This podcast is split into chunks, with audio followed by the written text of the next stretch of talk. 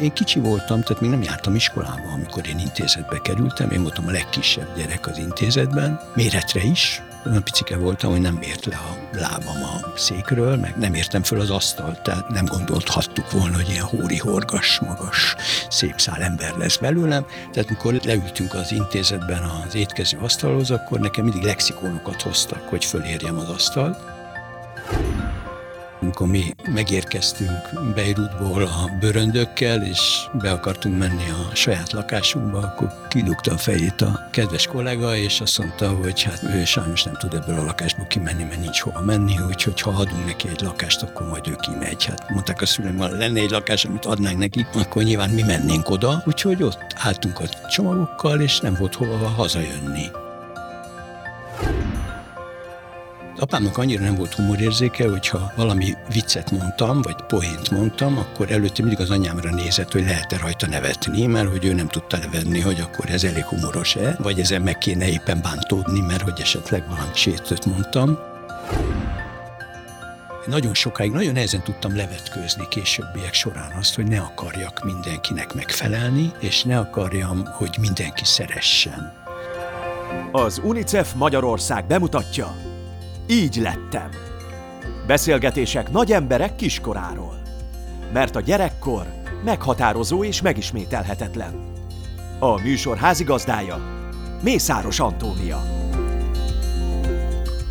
Az UNICEF Magyarország podcast sorozatában mindig azt a témát járjuk körül vendégeinkkel, hogy mennyire meghatározó időszak a gyerekkor. Milyen sok minden dől el akkor a későbbi életünk tekintetében, az egész személyiségünk kialakulása tekintetében. Nagyon kíváncsi vagyok, hogy te mit fogsz erről mesélni nekünk, hiszen magad is sokat gondolkozol ezeken a kérdéseken és sokat írsz az életedről is, de arra kérlek, hogy most segíts nekem abban, hogy egy picit ebből a megvilágításból nézzünk rá, azokra a történetekre is, amiket lehet, hogy már könyveidben, tévéműsoraidban elmeséltél, és hát örülök, hogyha olyan összefüggéseket is fel tudunk fedezni menet közben, amin talán még nem gondolkoztál. Nem tudom, hogy ez is sikerül-e. De kezdjük az elején, hogyha nem bánod.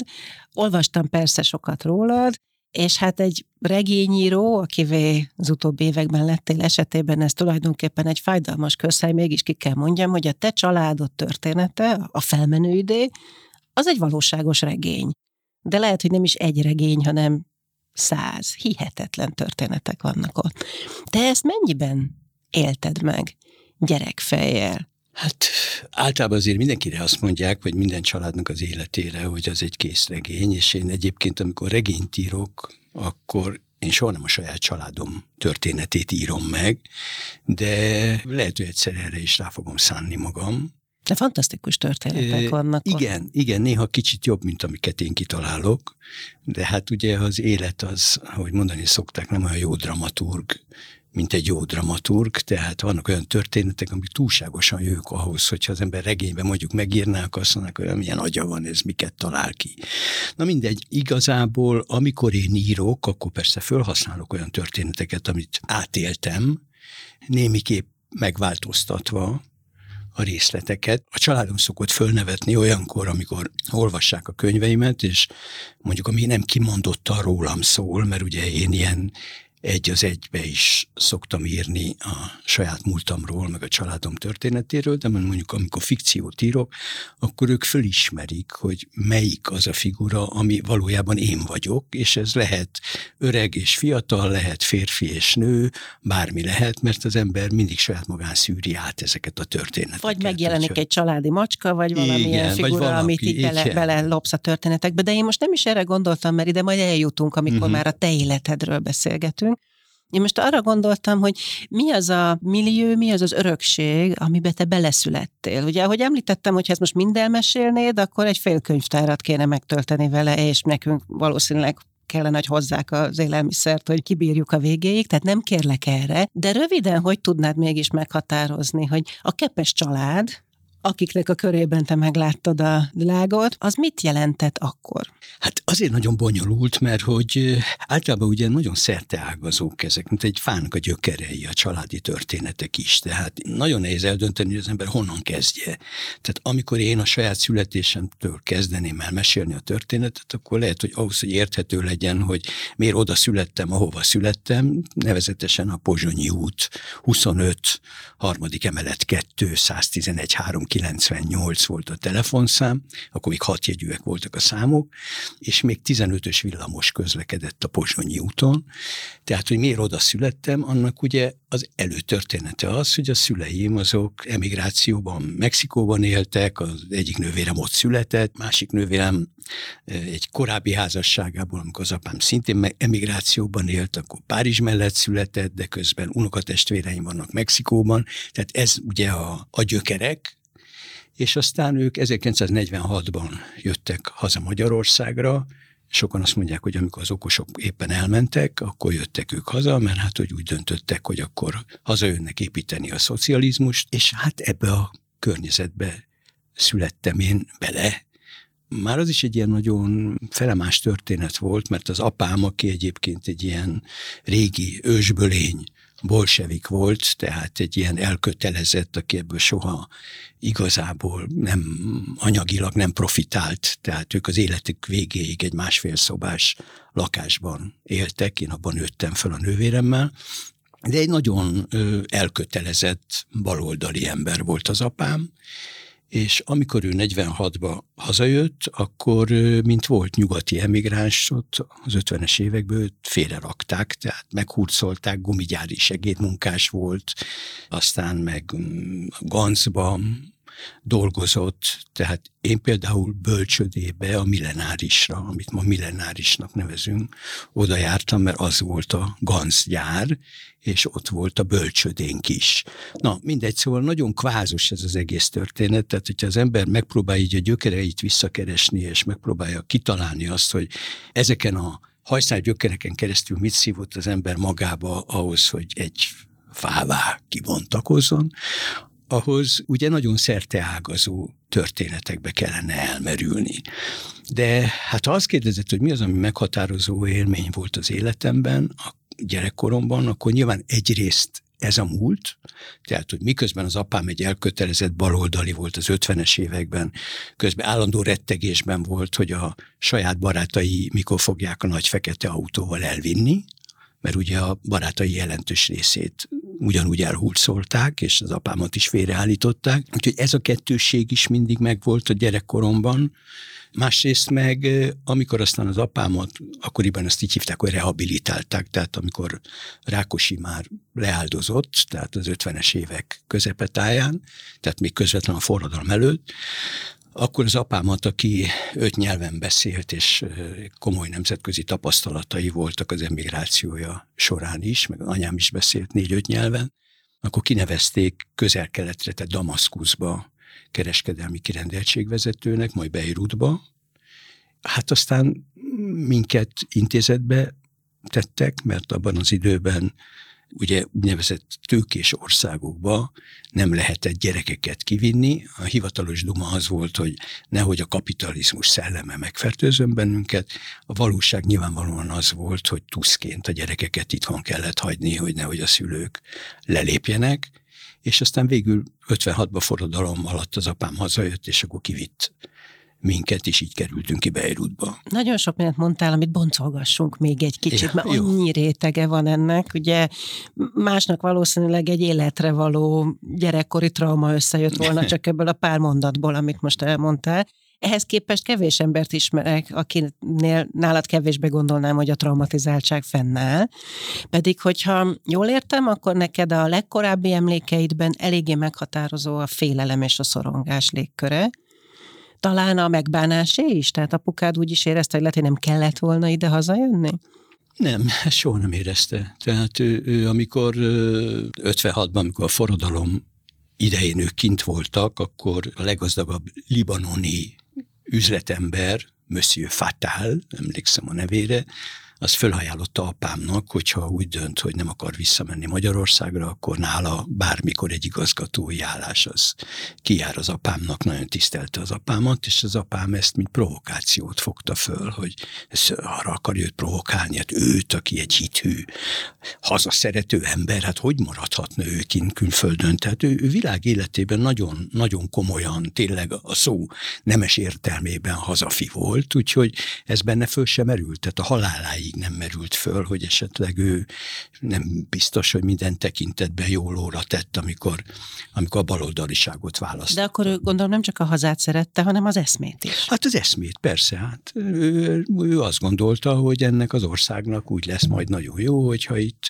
baloldali hatalom lesz, és a fura dolog az, hogy amikor szembesült a Rákosi korszakkal, amikor őt meghurcolták, vagy őt is meghurcolták, meg a barátait, ő akkor is elfogadta ezt. Ez, ezek nagyon fura dolgok egyébként, ami pszichológiailag ez egy nagyon izgalmas korszak, hogy az emberek egy része, aki, aki szembesült mondjuk a sztálinizmus és a rákosi korszak borzalmaival és tényleg szörnyűségeivel, azok egy része ezen elgondolkodott, és szembefordultak ezzel, és önvizsgálatot tettek, és mások meg olyan mélyen elkötelezettek voltak, hogy inkább mentegették és az apám inkább ebbe a kategóriába tartozott, és nekünk ez ügyben nagyon sok vitánk volt. Később gondolom, gyerekben. amikor... Hát, amikor... meg kis kamaszkoromban, igen, akkor már elég sok, amikor már én is kezdtem úgy világosan látni, akkor nagyon sok vitánk volt, és akkor egy bizonyos ponton túl, amikor az apám egyszer egy ilyen vita során, neki rossz volt a szíve, ebbe is halt meg később, rosszul lett, és lefordult a székről, akkor azt mondtam, hogy, hogy ennek semmi értelme nincs. Tehát én megváltoztatni őt úgyse fogom tudni, én annál sokkal jobban szeretem, mint hogy most ő ebbe halljon bele, hogy vitatkozunk politikai kérdésekről, és akkor az anyám is megeskedett, hogy, hogy soha többet ne vitatkozzak vele, és abban a pillanatban, mert az apám provokált ilyenkor, ő szeretett vitatkozni, úgyhogy amikor elkezdett provokálni engem, akkor az anyám a háta mögé állt, és akkor így integetett, hogy ne, ne, ne, ne menj bele akkor én visszakoztam, mondtam, igazat van apukám, akkor meg ezen szívta föl magát, hogy nem mondd azt, hogy igazam van, tudom, hogy nem értesz velem egyet, de már vitatkozni se akarsz velem. És akkor mondtam, és ezzel mit lehet csinálni? Úgyhogy ő egy érdekes, érdekes ember volt, és hát nyilván nagyon meghatározó volt az életemben, ahogy az anyám is. Az összes ilyen felemás helyzet ellenére. Milyen volt a kapcsolatod velük? Igazából az anyámmal talán bensőségesebb volt a kapcsolatom, mert neki nagyon jó humorérzéke volt, meg komoly bölcsessége volt. Tehát azt hiszem, hogy így stílusra, gondolkodásmódra inkább az anyámra hasonlítok. De apámnak annyira nem volt humorérzéke, hogyha valami viccet mondtam, vagy poént mondtam, akkor előtte mindig az anyámra nézett, hogy lehet-e rajta nevetni, mert hogy ő nem tudta levenni, hogy akkor ez elég humoros-e, vagy ezen meg kéne éppen bántódni, mert hogy esetleg valami sértőt, sértőt mondtam. Hát az apám az egy, ez egy kicsit sérült lelkű ember volt. Neki meghalt a mamája, amikor kisgyerek volt, apja egyedül nevelte őket, a nagyapám azt hiszem egy kicsit belegárgyult ebbe a történetbe, akkor nem vették fel az apámat. Ő Fasoriba járt egyébként, és ott nagyon jó matematikus volt. Ugye a, Fasori Evangélikus Főgimnázium az ország legjobb iskolája volt, több Nobel-díjas került ki onnan. Az a Rácz tanár úr tanította az apámat is matematikára, fizikára. Akire, akire díjakat már, neveztek el. Most már, igen, igen, díjak vannak, és, és tényleg egy fantasztikus ember volt. De a származása miatt az apámat nem vették föl az egyetemre Hát nyilván ez is egy sértődés volt, akkor a gyerekkor, a anyának a halála, akkor sodródott egyre balra, Úgyhogy... Ő valószínűleg hát az egy... emigrációt is megpróbáltatásként élte meg, és ott is nehézségei voltak, hiszen nem biztos, hogy emigrációt nem, különben. hát a fene tudja, hát bizonyos érték, mértékig biztos, de ő, ő Spanyolországba ment, tehát ő szökött innen börtönből, ugye, mert hogy a, mint illegális kommunistát elfogták, lecsukták, akkor megszökött, akkor élt Bécsben, Berlinben, Londonban, Párizsban, akkor átszökött a Pireneusokon, spanyol polgárháborúba harcolt az elejétől végéig, tehát 36-tól 39-ig, akkor amikor ott a mm, nemzetközi brigádot ugye egy külső, egy nemzetközi megállapodás értelmében megszüntették, akkor internálták őket Franciaországba, akkor onnan Mexikóba került, tehát önmagában az élete az tényleg egy kaland volt. És te csodáltad gyerekfejjel ezért? Akkor ezek a történetek így nagyon benne voltak nem, a levegőben, nem, nem? Nem, azt hiszem, hogy nem. Most így vissza, vissza emlékezve, jó, hát nyilván ő egy ilyen hősnek minősült a közéletben is, tehát aki önként vállalta és harcolt, és soha se saját magáért, tehát mondom, hogy semmiük nem volt nekik, de én alkatilag annyira másmilyen voltam mindig. Tehát én, én kamaszként se tudtam együttműködni azokkal, akik akkor ilyen lelkes gevaristák voltak, meg mauisták, meg ilyenisták, meg olyanisták. Szóval valahogy nekem, engem eztől megkímélt a sors. És mindig, mindig ilyen rálátással próbáltam ezt nézni. Ahogy mesélsz most az apukádról, szinte mindenben egy olyan emberképe rajzolódik ki előttem, aki a te ellentéted vagy nagyon más. A habitusban, a humorban, a vérmérsékletben, Igen. a viselkedésben, a világhoz való hozzáállásban, ez egy, ez egy taszító hatás volt, ami téged ilyen értelemben formált, és ellene lázadva lettél aztán az, aki?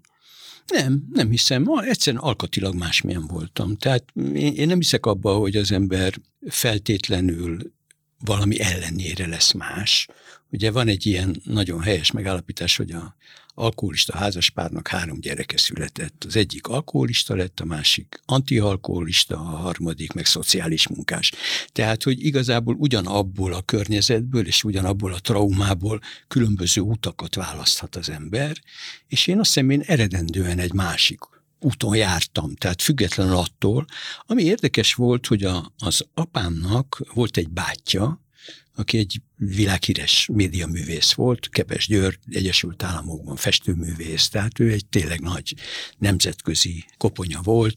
Magyarországon is lehet néha látni igen, kiállításokon. Igen, hát mert sőt van a Egerben, van egy Kepes intézet és ház, ahol a művei vannak, na és ő, ők imádták egymást. Tehát két testvér, köztük volt két év korkülönbség körülbelül.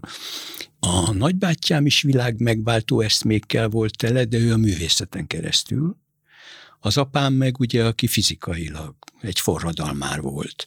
És a Jancsó Miklós, akivel, aki nagyon szerette apámat is, meg a nagybátyámat is, meg mondhatnám, hogy engem is, egyszer fűzött engem, hogy, hogy csináljunk egy olyan filmet ő rendezni, ahol én kérdezgetem az apámat és a nagybátyámat erről a két teljesen különböző útról, aminek a vége azért mégis hasonlít, mert mind a ketten ugye a világot szerették volna jobbítani és megváltani.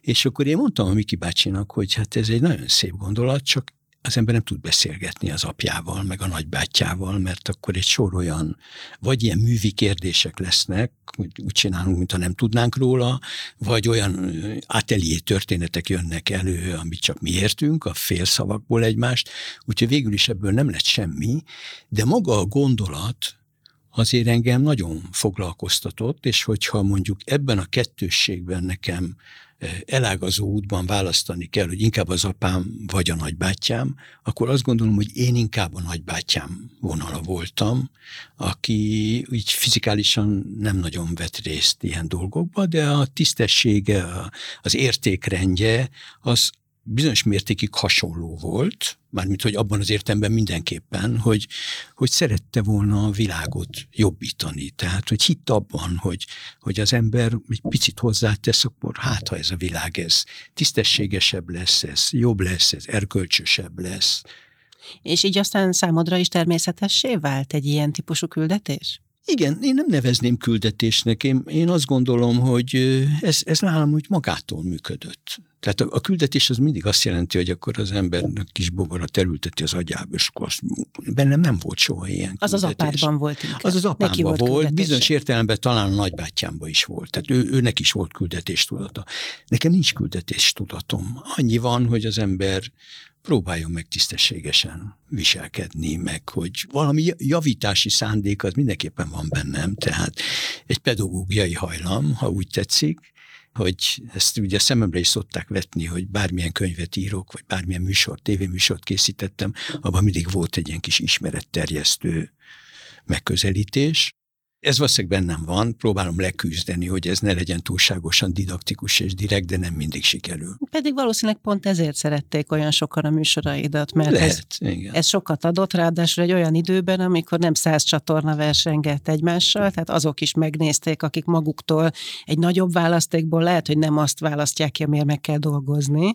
Így viszont nagyon Igen, jót igen. tettek a te műsor, Igen, műsoraid igen, igen. nagyon, nagyon sokaknak. De visszatérve a kiinduló pontokhoz, azért nyilván az apád és a nagybátyád hatása mellett az anyukád is nagyon meghatározó volt. A vele való kapcsolat, mondtad, hogy szorosabb, az egy ilyen, az egy ilyen igazi, ölelős, szerető, fizikai meleg anya-fia kapcsolat volt? Vagy az egy más világban még azért nem úgy működött, mint ahogy mondjuk a mai magyar családokban? Az anyám egyébként egy ilyen ö, anya, anyatípus volt, de ő egy nagyon szigorú asszony volt. Tehát ha valamilyen ilyen kemény erkölcsi tartást vélek felfedezni a gyerekkoromban, ami egyébként már nyomaszló volt, az az anyámtól jött. Nem magázott azért gondolom. Nem, nem, nem, nem abban az értelemben, hanem, hanem hogy minden tisztességesen és jól, és kiktűnő mondatai voltak, ezeket én úgy szoktam nevezni ezeket a mondatokat, hogy szikrázó mondatok, amikor úgy beleégnek az ember agyába. Ezeknek a mondatoknak egy része az olyan volt, amit ő merő jó szándékból, tisztességből mondott, és ennél kártékonyabb dolgot aztán az ember életébe keveset tud elképzelni. Én is mondtam ilyet a saját gyerekeim És neked mi életében. volt ez a kártékony mondat? Hát az egyik, már mint amit én mondtam a gyerekeimnek, vagy nem, amit most nekem, először, amit, a, amit, amit a mamám majd visszatérünk mondott. természetesen Ja, arra, hogy te, mint apa, de most arra gondoltam, hogy amit, a, amit te kaptál. Jó, ez vicces mondatok voltak, tehát az egyik ilyen mondat az volt, hogy azt mondta, hogy édes fiam, kevés észsel, mint ami nekünk van, hát ez ilyen többes számba beszél, az ember csak tisztességes lehet. És ez ugye ez arra vonatkozott, hogy az ember ne próbáljon másmilyennek mutatkozni, mint amilyen a valóság, ami egyébként egy nagyon hasznos és bölcs mondat, és egyébként ez nagyon mélyen úgy látszik gyökeret vert bennem. Tehát én bennem soha nem volt egy ilyen szerep mm, vágy. Tehát én a televízió képernyőn pontosan ugyanolyan voltam, mint a hétköznapi életben. Ha én valahol előadást tartottam, vagy társaságban voltam, pontosan ugyanúgy viselkedtem, mint a hétköznapi életben. Jó, hát az ember egy kicsit jobban moderálta magát, de alapvetően nem. nem. Nekem ez a mondat az ügyeskedés, meg az agyafurcsák hiányáról Arról is szól. szól. Igen, igen, ami hogy nem érdekes, kell. mert hogy az apukát külkereskedő volt, az élete egy Igen, bizonyos igen. szakaszában, és azért azt hiszem, hogy arra a pályára sokan mentek úgy, hogy volt érzékük az ilyen típusú keverés-kavaráshoz, és hát nem is csontszegényen jöttek haza. Hát az apámnak az égvilágon semmi ilyen üzleti érzéke nem volt, erre büszke is volt, ami mondjuk elég nevetséges, amikor valaki külkereskedőként kereskedelmi kirendeltséget vezetett, de ezt olyan meggyőzően és olyan hihetetlen ártatlansággal művelte, hogy őt még, hát ugye Beirut, ahol az arab kereskedők és a francia és amerikai kereskedők működtek együtt volt főníciai, zsidó és egyéb kereskedőkkel, tehát oda egy ilyen ártatlan ember bekerült, úgy verhették volna át, ahogy akarják. Nyilván egyszer-kétszer át is verték, erről nem tudok, de minden esetre az ő ártatlanságát és tisztességét olyan mértékig tisztelték, hogy úgy érezték, hogy ezt az embert nem lehet, nem kéne átverni. Tehát a Monsieur Fattál, akiről beszéltem, aki egy igazi milliárdos, nemzetközi szinten is milliárdos volt, az ilyen ájtatos szemekkel nézte az apámat, hogy ilyen van, Szóval, hogy, valaki kereskedő, és ennyire ártatlan és tisztességes, tehát nyilván, ha fölajánlott neki egy igazgatói pozíciót, akkor ő azt gondolta, hogy ez egy működőképes változat. Ezek nagyon érdekes dolgok egyébként, és nyilván ez, ezek anélkül, hogy én ezt magamban tudatosan megfogalmaztam volna, tehát az apámnak ez a, az ártatlansága, az anyámnak pedig ez a hihetetlen erkölcsi alapokon álló tisztessége, ez egy bizonyos ponton túl azért nyomasztó lesz szám az ember számára. Azért a tisztességnek és az ártatlanságnak van valamiféle hiába valósága a mai, a mai világban.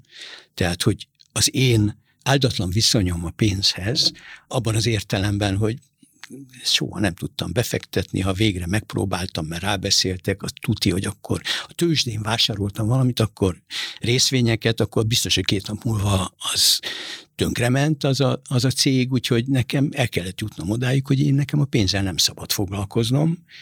Viszont ha olyat csinálok, ami számomra örömforrás, és amit lélekből csinálok, és szívesen csinálok, akkor meg egész jól megélek belőle. És akkor erre megtanított az élet, nekem ezt tudomásul kellett vennem. De valószínűleg ez visszavezethető azokhoz az erkölcsi értékítéletekhez is, meg amit az apámtól, meg az anyámtól örököltem, vagy kaptam. Meg nyilván mintákhoz is, meg ahhoz a tudatalatti üzenethez, ami lehet, hogy nem is volt annyira tudatalatti, Igen. ha jól értem, amit ők azért közvetítettek folyamatosan felét, hogy a pénzzel bánni, az valami megkérdőjelezhető dolog, Igen. mert az nem a tisztességes ember útja. Igen. Ez a, ez a, nekünk nincs annyi eszünk, hogy ügyeskedjünk típusú hozzáállás, és ezért valahol erről szól. Igen, hogy a pénz korrumpál. Hát tulajdonképpen az apámnak, ez, poénból úgy szoktam mondani, hogy az apám ugye úgy tartotta, lenézte a pénzt, hogy a pénz korrumpál, és ezért cserében a pénz sértődötten elkerülte a szüleimet, ez valóban, ez így is volt, de közben meg szóval volt ebbe valamilyen ilyen szinte jezsuita szigorúságú értékrend. Tehát, hogy soha nem jutott eszembe, se nekem, se a nővéremnek, hogy valami disznóságot csináljunk, amiről esetleg szembe kéne nézni az anyánkkal, aki nem ütött meg, meg semmi, csak nézett. Csak ott Szomorúan az ő, nézett. Az ő tekintélyére Igen, és, és akkor, és amikor én egyszer valami interjúban emlékszem, még anyám élt szegény, és akkor valahogy azt mondtam, hogy az anyám egy szigorú asszony, hát ezen halára sértőt, hogy én miért mondom, hogy ő szigorú. Föl se fogta. Tehát ő ezt, ő ezt nem értette. És ez például nagyon érdekes dolog, hogy ez engem nyomasztott. Az, hogy ő megbántódott? Nem, az, az, az, az nyomasztott, hogy ilyen szigorú. Tehát, hogy, hogy ez a fajta ilyen felsőbb szuperego, amit, amit ő képviselt, mert meg kellett felelni neki? Lehet, hogy nem kellett, de meg akart az ember. Hát az ember mindig meg akar felelni a szüleinek. Ez egy olyan nagyon fura dolog, hogy annyi mindenkinek megfelel az ember, és aztán végül mégis, hogyha kicsit megkapargatsz valakit, akkor az derül ki, hogy mindig a szüleinek akart igazából megfelelni. Tehát van ez a régi pszichológus mondás, hogy kiskorában ugye az embernek a viselkedése egy mondatra egyszerűsíthető le, hogy néz papa, vagy néz mama, hogy mit bírok meg. És hát ez, ez annélkül, hogy az ember megfogalmazná, ez valószínűleg így működött. És én ettől meg akartam kimélni a saját gyerekeimet. Térjünk majd ide-vissza Jó. a saját gyerekeidre, mert van neked bőven, van, és így aztán persze, élményed is, de nem lehet elmenni amellett a történet mellett, amit az előbb azért itt megpendítettél, hogy te két évre intézetbe kerültél, az akkori kommunista Magyarországon ráadásul, úgy, hogy a szüleid elmentek a világ másik végére, úgy, hogy éppen végigcsináltál előtte egy ilyen eléggé félelemmel teli, szorongós időszakot, és gondolom rengeteg kérdőjel volt, hogy akkor majd mi lesz ez után, meg hogyan tovább. Ez hihetetlen megterhelőnek hangzik így, így, így mai észszel, olyas valaminek is, ami tönkreteheti valakinek a szüleivel való kapcsolatát, vagy adhat valami, valami gellert ennek az egésznek. Haragudhattál volna rájuk például, érte? Érhettek volna ott traumák. Mi történt? Hogyan csináltad végig ezt az időszakot? Ugye ezt tudni kell, hogy mi négyes társbérletben laktunk korábban.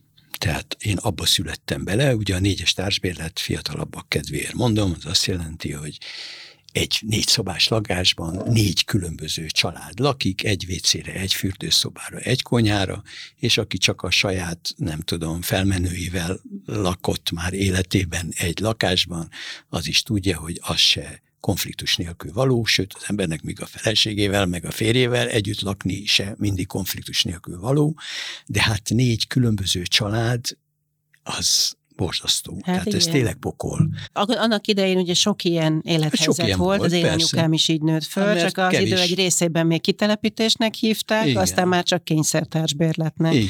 És Budapesten, hát, és igen. valóban ugye az, az megnyomorított akkor a generációkat. Igen. Na most hát az anyám tanácstag volt, és mindenkinek elintézte, hogy legyen neki lakása, de azt fel sem merülhetett, hogy ő saját magának bármit elintézzen, úgyhogy ők ott laktak a négyes társbéletben, az apám, aki mondom, egy baloldali ember volt, elvileg lehettek volna kapcsolatai, voltak is. De Soha eszébe, Nem, mert nem tartották volna tisztességesnek. A szóba nem kerülhetett, hogy ők maguknak bármit elintézenek, másnak minden.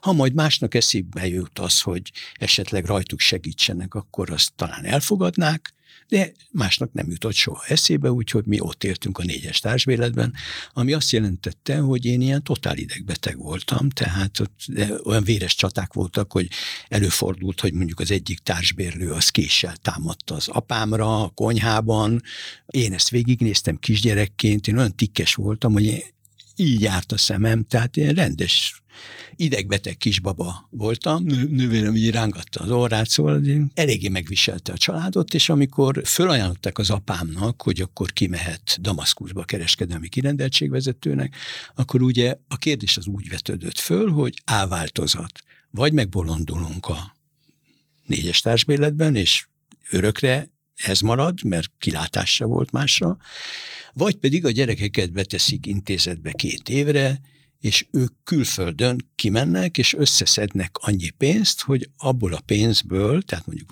autóra összegyűjtenek, akkor mindenki ezt csinálta, és akkor az autó árából sikerül a társbérletet elcserélni egy önálló lakásra. És akkor ők emellett döntöttek.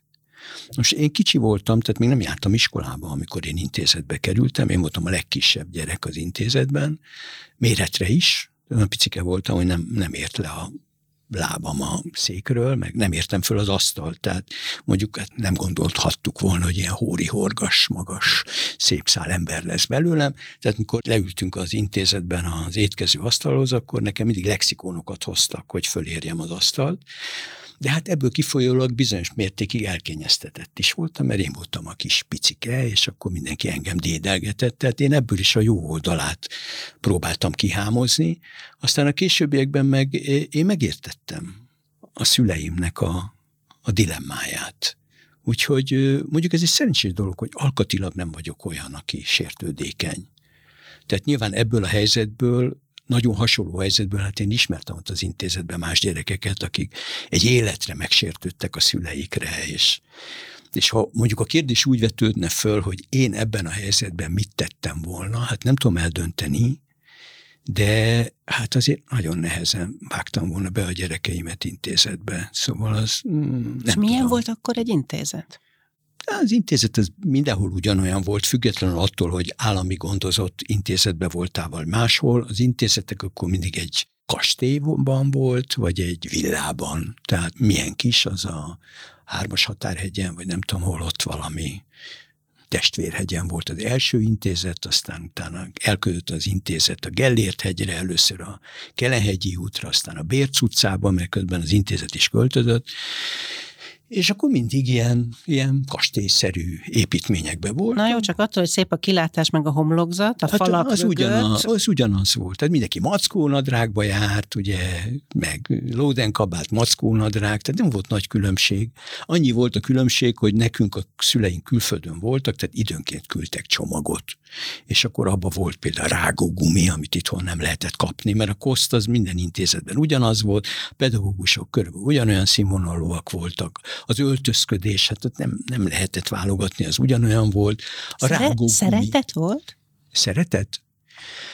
Hát nézd, tehát intézetben nagyon nehéz, hogy ha, ha kifogtál egy olyan nevelőt, akivel jó viszonyod volt, ha olyan volt voltak a szobatársaid, akikkel jól kijöttél. Mondom, nekem szerencsém volt Tehát ettől, ne, hogy én kicsi, én kicsi voltam. Te a nevelőktől meg, is kaptál, meg, meg a többiektől is meg kaptál megtanultam megszerettetni magam, ami, ami azért aztán egy életre kitartott, tehát én nagyon sokáig, nagyon nehezen tudtam levetkőzni későbbiek során azt, hogy ne akarjak mindenkinek megfelelni, és ne akarjam, hogy mindenki szeressen ez egy fontos feladat volt, mert ugye kicsi koromban engem arra tanított az élet, hogy el kell fogadtatni magam, meg kell szerettetni magam egyrészt az intézetben, másrészt később ugye az első nyolc általánost, azt kilenc iskolában jártam, három nyelven, három földrészen. Ebből kifolyólag ugye ez a állandó beilleszkedés és megfelelés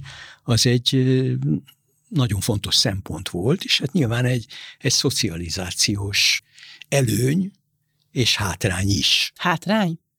Hát hátrány abból a szempontból, hogy az ember soha nem tud gyökeret tereszteni sehol.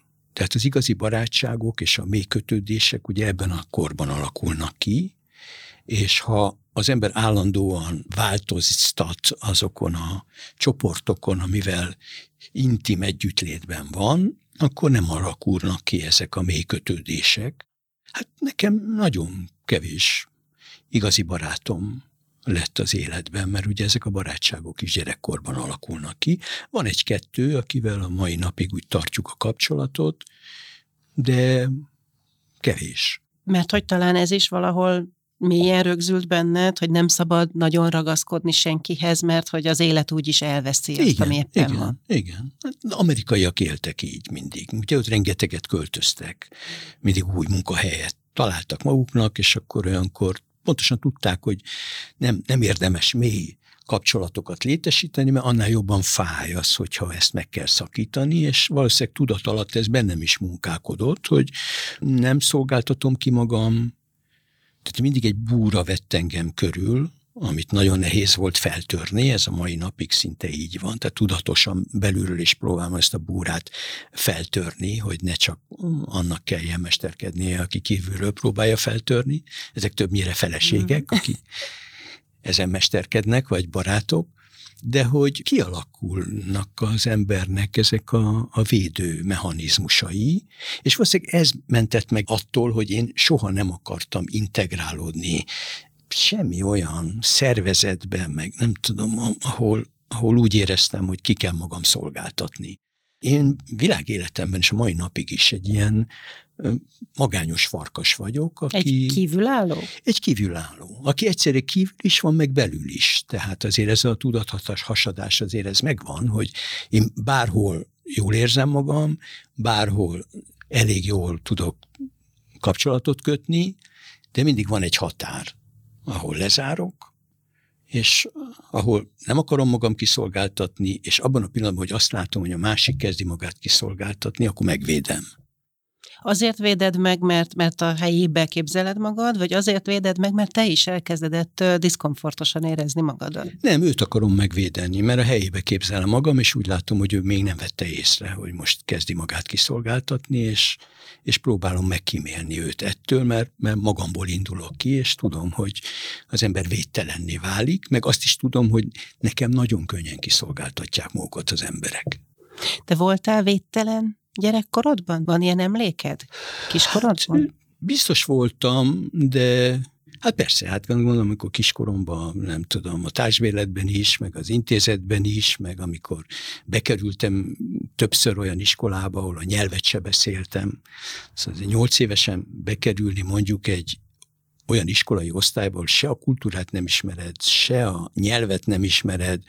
Jöttem haza sírva, és azt mondtam, hogy az anyám fölírt egy kis papírra a legfontosabb mondatokat, hogy francia, hogy éhes vagyok, meg pisilni kell, meg ilyesmit, és akkor jöttem haza, kérdezte az anyám, hogy na, és milyen volt? Hát, borzasztó szar volt, senkivel nem tudtam beszélgetni, ráadásul a papírt is elvesztettem, úgyhogy még pisilni se tudtam kikéreckedni, és hát azért ez egy kiszolgáltatott helyzet. Amikor nem beszéled a nyelvet, nem ismered a kultúrát, nem ismered a közeget, és úgy érzed, hogy te egy, egy idegen vagy. És ilyen helyzetekben az emberek egy része tüskéket növeszt, és egy része, úgy tűnik, hogy te ebbe az utóbbi körbe tartozol, pedig megtanulja elfogadtatni és megszerettetni magát, és ahogy egyik ilyen helyzet hozza a másikat, valószínűleg egyre gyorsabb és egyre profibb ebben, hogy hogy így, kell beilleszkedni. De mintha azt mondtad volna az előbb, hogy ennek is vannak árnyoldalai, vagy később úgy néztél erre a képességedre, mint aminek szintén megvan az maga ára, hogy te olyan jó vagy abban, hogy megszerettesd magad.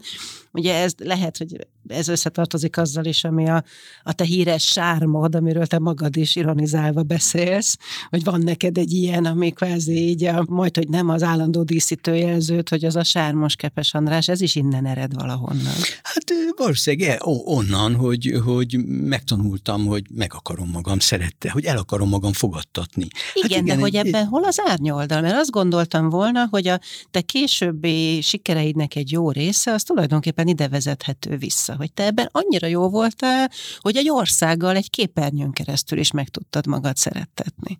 Igen, ebben van egyfajta szerepjátszás tudod, és hogyha az ember közben párhuzamosan szeretne a szerepektől megszabadulni, mert szeretné magát őszintének mutatni, vagy nem mutatni, mert akkor az már egy szerep, szeretne őszinte lenni, akkor megpróbálja ezeket a külső szerepeket levetkőzni. Nem mindenki, tehát az emberek 99%-a valószínűleg ezzel a konfliktussal nem is kerül szembe, mert azt mondja, hogy ja, hát ez így működik, akkor most mit változtassak, győztes csapaton ne változtassunk.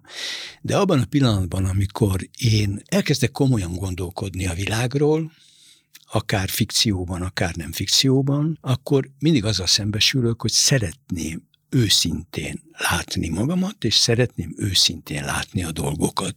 És ebben hátrány az, hogyha az ember fölismeri azt, hogy szerepeket játszik, vagy fölismeri azt, hogy ebben a szerepben jól érzi magát, vagy hogy mások is szerepet játszanak, és hogy jó lenne lehántani. Nem tudom, hogy ez érthető-e, amit mondok, hogy lehántani ezeket a dolgokat. Én egyszer elkezdtem írni, nem csak elkezdtem, azt meg is jelent még régen, még anyám élt, vagy 20 valahány évvel ezelőtt az egyik könyvben írtam egy olyan 60-70 oldalt a saját családtörténetünkről, és amikor a mamám elolvasta, akkor azt mondta, hogy hát ez nem egészen, nagyon őszinte akartam lenni benne, és hát mindent, ahogy én gondoltam, leírtam, és akkor a mamám azt mondta, hogy hát ez nem egészen így volt, de kétségkívül sokkal jobban hangzik. Na most ezt akartam átlépni, hogy ne jobban hangozzon, hanem hát, ha meg lehet élni a dolgokat úgy, hogy az, az tényleg úgy volt. Azóta már tudom, hogy nem lehet, mert a saját szűrőnkön keresztül éljük meg a világot, de ez azért ez egy állandó konfliktus, a szerepjátszás és a szerepektől való menekülés. Tehát, mint hogyha benned állandóan futna egy program, meg egy ellenprogram, amit igen, próbálsz igen, ezzel igen, szemben. Igen. De persze ez annak is a kérdés, hogy mere valaki nem szerethető lenni. És ha jól értem, akkor neked ez okozott sokáig nehézséget, nem tudom, lehet, hogy még ma is, hogy merjél nem az a sármos Kepes András igen, lenni, akit igen, mindenki igen. szeret. De már merek. Már mersz? És ez mikor kezdődött ez a... Most. Ne. Én most kihoztam belőle. Nem, hát egy ideje egyébként már, már úgy... Nézd, Hát, hogy pontosan mikor kezdődött, azért már úgy elmúltam 40 szerintem, amikor egyszer csak megérett bennem ez a tudat, hogy nem kell, hogy mindenki szeressen. Elég, ha azt szeret, aki számomra fontos, akit én is szeretek. Ugye ez különösen egy tévésnek. Tehát meg szóval aki közönséggel foglalkozik, annak azért ez egy komoly dilemma, hogy szeressenek is engem, meg olvassák is a könyvemet, meg nézzék is a műsoraimat és az előadásaimat, és elfogadjanak a hallgatók az egyetemen, de közben meg ez mégse egy szerep legyen, hanem ez egy természetes dolog. És azt hiszem, hogy viszonylag jól csinálom ahhoz képest.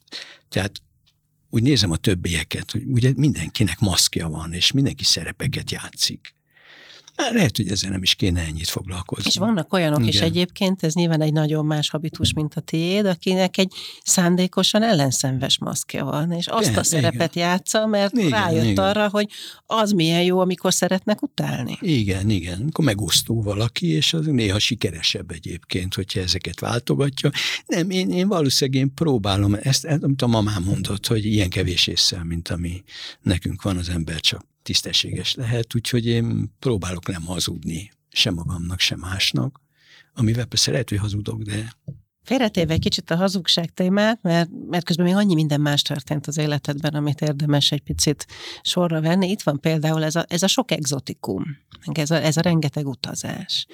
Nyilván, hogy mély nyomot hagyott, hiszen később a könyveidben is, meg már a tévés produkcióidban, filmjeidben is nagyon intenzíven megjelent a, az ilyen kalandokra és exotikus világokra való nyitottság.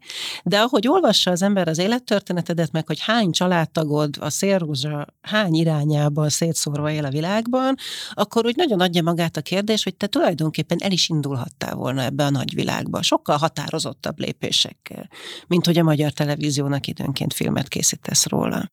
Miért nem volt benned ez az extra kalandvágy? Hát én rengeteget utaztam, tehát én úgy utaztam, hogy ilyen csillagtúrát csináltam, tehát én ide voltam mélyen.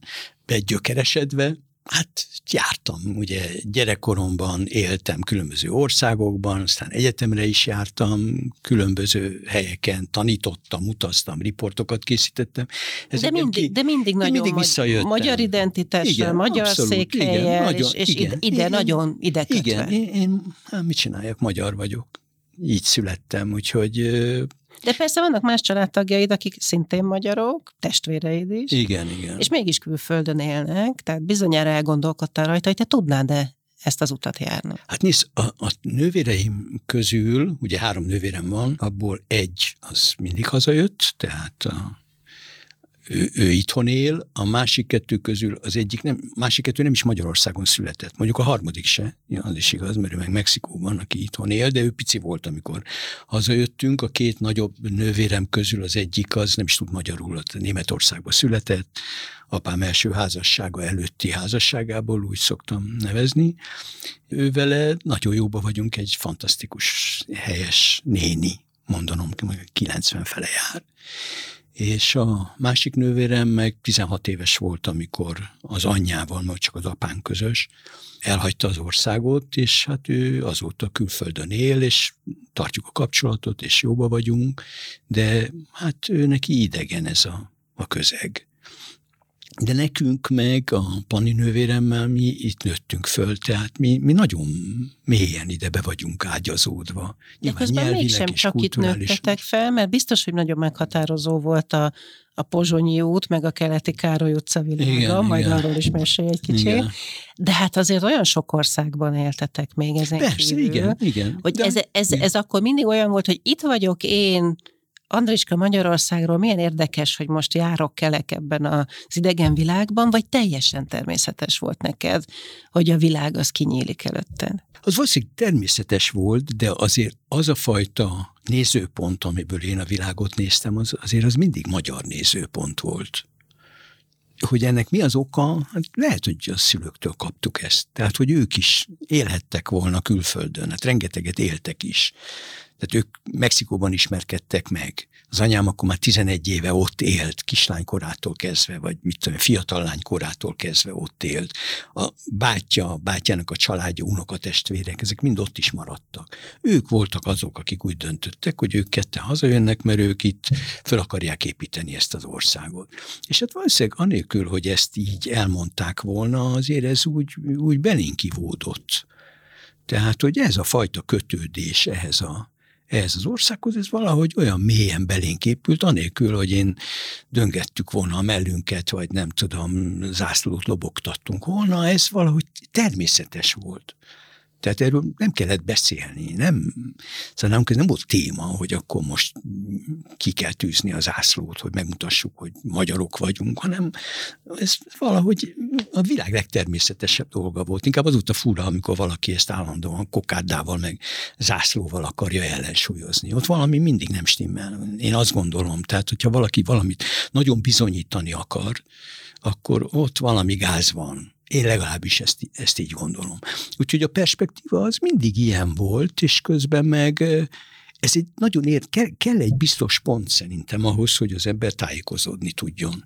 Ez olyan, mint a világító torony. Tehát ha megy egy hajó a tengeren, akkor különböző világító tornyokhoz képest próbálja magát belőni. Most valószínűleg engem az kímélt meg attól, hogy bizonytalanná váljak a világban, hogy megvolt ez a fix világító torony, ami az itthoni, és azt láttam, hogy akik úgynevezett világfik lettek, mert bizonyos értelemben nyilván én is világpolgár vagyok abban az értelemben, hogy elfogadok mindenféle kultúrát, de a tájékozódási pontom az nagyon határozott.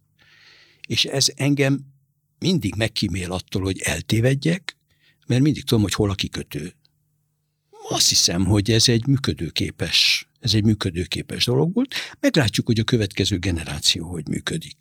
De hogy ne hagyjuk a nézőket és a hallgatókat bizonytalanságban, még mielőtt a következő generációról beszélünk, azért mondd el a történet végét, hogy ezek szerint a te családod nem maradt kint sehol, hazajöttek, itt volt ez Igen. a bizonyos négyes társbérlet, amiből szabadulni próbáltak volna, és Igen. ugye azzal az ígérettel mentek el, hogy akkor majd egy, egy jobb életbe jöttök haza. Ez így lett? Hát gyakorlatilag ez volt, tehát ugye, hogy ők tudták, hogy amikor elmennek, külföldre mennek, mert az apám kint kapott munkalehetőséget, tehát egyszer a közel-keleten, ugye Szíriában, Libanonban, később Latin-Amerikában, ugye én a középiskolás éveimet azt Argentinában, Buenos Airesben töltöttem, de ott mindig az utolsó pillanatig az, az volt a természetes, hogy, hogy mi ide visszajövünk.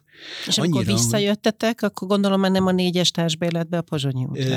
Hát amikor visszajöttünk, na jó, hát az egy külön történet, hogy kölcsönadták a négyes társbérleti, társbérleti lakásunkat egy kollégának, és amikor mi megérkeztünk Beirutból a bőröndökkel, és be akartunk menni a saját lakásunkba, akkor kidugta a fejét a kedves kollega, és azt mondta, hogy hát ő sajnos nem tud ebből a lakásból kimenni, mert nincs hova menni, úgyhogy ha adunk neki egy lakást, akkor majd ő kimegy. Hát mondták a szüleim, ha lenne egy lakás, amit adnánk nekik, akkor, akkor nyilván mi mennénk oda, úgyhogy ott álltunk a csomagokkal, és nem volt hova hazajönni és akkor a nagybátyámék a saját kétszobás lakásukba, ahol ők már eleve hárman laktak, oda befogadtak minket, és aztán mi visszakerültünk az intézetbe, mert nem fértünk el, tehát az anyám még ott maradtak, mi, a nagy világjárás után. Nagy világjárás megint után. Ott ugyanabban az megint ugyan ott volt, illetve még ott se, mert addigra már társbérlet se volt, és akkor végül úgy lett a lakás, hogy amiben aztán megöregedtek, és halálukig ott éltek, hogy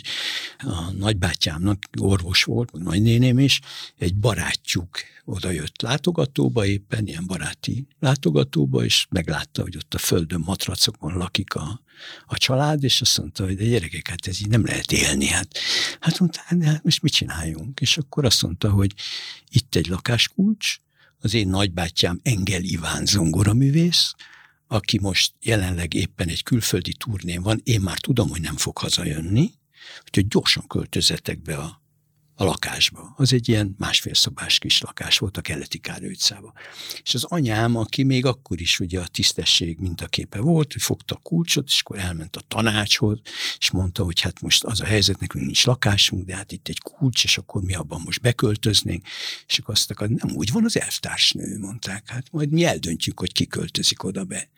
És akkor az anyám életében egyszer a sarkára állt, és azt mondta, na most én ebbe a lakásba beköltözöm, és innen engem már csak a hullaszállítók fognak elvinni. És ez így is volt. Azért az a helyzet ott előtte, amikor kiraktak a saját lakásotokból, ott voltatok a matracokon, meg az intézetben, őrjítően igazságtalan és dühítő lehetett. Az ilyen helyzeteket hogy kezelted, meg kezeled? Hát én nyolc éves voltam, mert mondjuk én úgy kezeltem, hogy azt mondtam, hogy hát, úgy látszik ez az élet. Én már annyi mindenen túl voltam akkor, ugye a intézettől, a társbérlettől, a veszekedésektől, a különböző kultúrákon át, hogy hát akkor most meg ez van, akkor megyünk vissza, persze az ember szomorkodott, hogy akkor végre szüleivel lehetne együtt, akkor mégse lehet együtt a szüleivel, van lakás, nincs lakás. Tehát ez egy folyamatos hadviselés volt az élettel, úgyhogy mi nem, nincsenek róla ilyen dühös, vagy tragikus, vagy traumatikus emlékeim, valószínűleg e- feldolgoztam magamban. Tehát vagy meg, egy kicsit zen lettél ettől az egésztől? Hát, ha zen nem is, de minden esetre hárít, azt hiszem hárítani tanultam meg. Tehát, hogy úgy elfogadni, ami ugye a hárítás és az elfogadás az nagyon közel van egymáshoz. Ha zen lettem volna, akkor elfogadtam volna, ha nem tudom, mi lettem volna, akkor meg hárítottam volna. Valahogy úgy a kettőnek az arányát próbáltam kialakítani, és ez nem baj egyébként, szerintem ez egy hasznos tulajdonság. És ebben az időben mi volt az, amit téged a legjobban foglalkoztatott? Bármerre is jártál, bármilyen körülmények voltak is éppen körülötted, ki voltál te? Milyen gyerek voltál? Azt mondtuk már, ugye, ezt megbeszéltük, uh-huh. hogy nagyon jól tudtad magad megszerettetni, elfogadtatni, de mi volt az, ami érdekelt, és mi volt az önképed? A művészet az mindig érdekelt egyébként. Valószínűleg ez a kötődés a, az országhoz, ez abban is megnyilvánult, hogy amikor én kiskamaszkoromban Dél-Amerikában voltam, tehát Argentinában, akkor miközben ugye ott a legelképesztőbb, hát ma már nem elképesztő, akkor volt elképesztő, hogy milyen műsorok mentek a televízióban, mert most bekapcsoljuk a tévét, akkor ugyanolyanok mennek most is. Tehát és nem ezek az argentin a kereske... tévére gondolom. És nem az argentin téve, nemzetközi csavtornák, meg az összes izé, szóval ez a tényleg a, a abszolút trash ami elborította már akkor azért ott a kereskedelmi televíziózást, hát ez nekünk azért ez egy a magyar kultúrált magyar televíziózáshoz képest, vagy ugye erősen cenzurázott és megszűrt mozifilmekhez képest, azért ez egy teljesen más világ volt, amiben én ott belecsöppentem, és miközben ugye egyrészt én nagyon élveztem kiskamaszként ezeket a rémségeket, másrészt meg elkezdtem olvasni a dél-amerikai irodalmat, ami engem nagyon izgatott, meg otthon szambát gitároztam, közben meg ugye, mint hogy készültem a külön vizsgákra, otthon meg olvastam Moricot és Kosztolányit, és Radnótit, és József Attillát, és, és ez a fajta kettősség, ahogy a kultúrák keveredtek bennem, de itt is ugye a, a bázis az mindig a magyar irodalom és a magyar kultúra volt, hogy ez volt az, ami, ami egy tájékozódási pontot adott az összes többihez. De egyben egy óriási nyitottságot is adott nekem. Tehát én messze nem vagyok olyan elitista, mint a baráti társaságom és a jelentős része, tehát mint a magyar elit értelmiségnek a jelentős része, akik azt gondolják, hogy hát ők tudják pontosan, hogy akkor mi a jó és mi a rossz. Tehát én például soha nem merném valamire azt mondani, nem, hogy nem merném, nem akarnám azt mondani, hogy ez jó vagy rossz. Én mindig azt szoktam mondani, hogy nekem tetszik, ezért, ezért, azért, vagy nekem nem tetszik, ezért, azért, azért, amazért. És hogy a kultúrának a különböző rétegeit én ugyanúgy értelmezni, értékelni tudom, és valószínűleg ez az, ami engem kinyitott az egzotikus kultúrák felé is. Tehát, hogy attól, hogy egy kultúra mondjuk egy természeti nép kultúrája, én ugyanolyan lelkesen bírom fogadni, mint hogyha nem tudom, Thomas Mann olvasnék, vagy Bergman filmet néznék, mert próbálom megtalálni azokat a finomságokat, a réteg sajátosságokat, ami arra, arra ér, érvényes.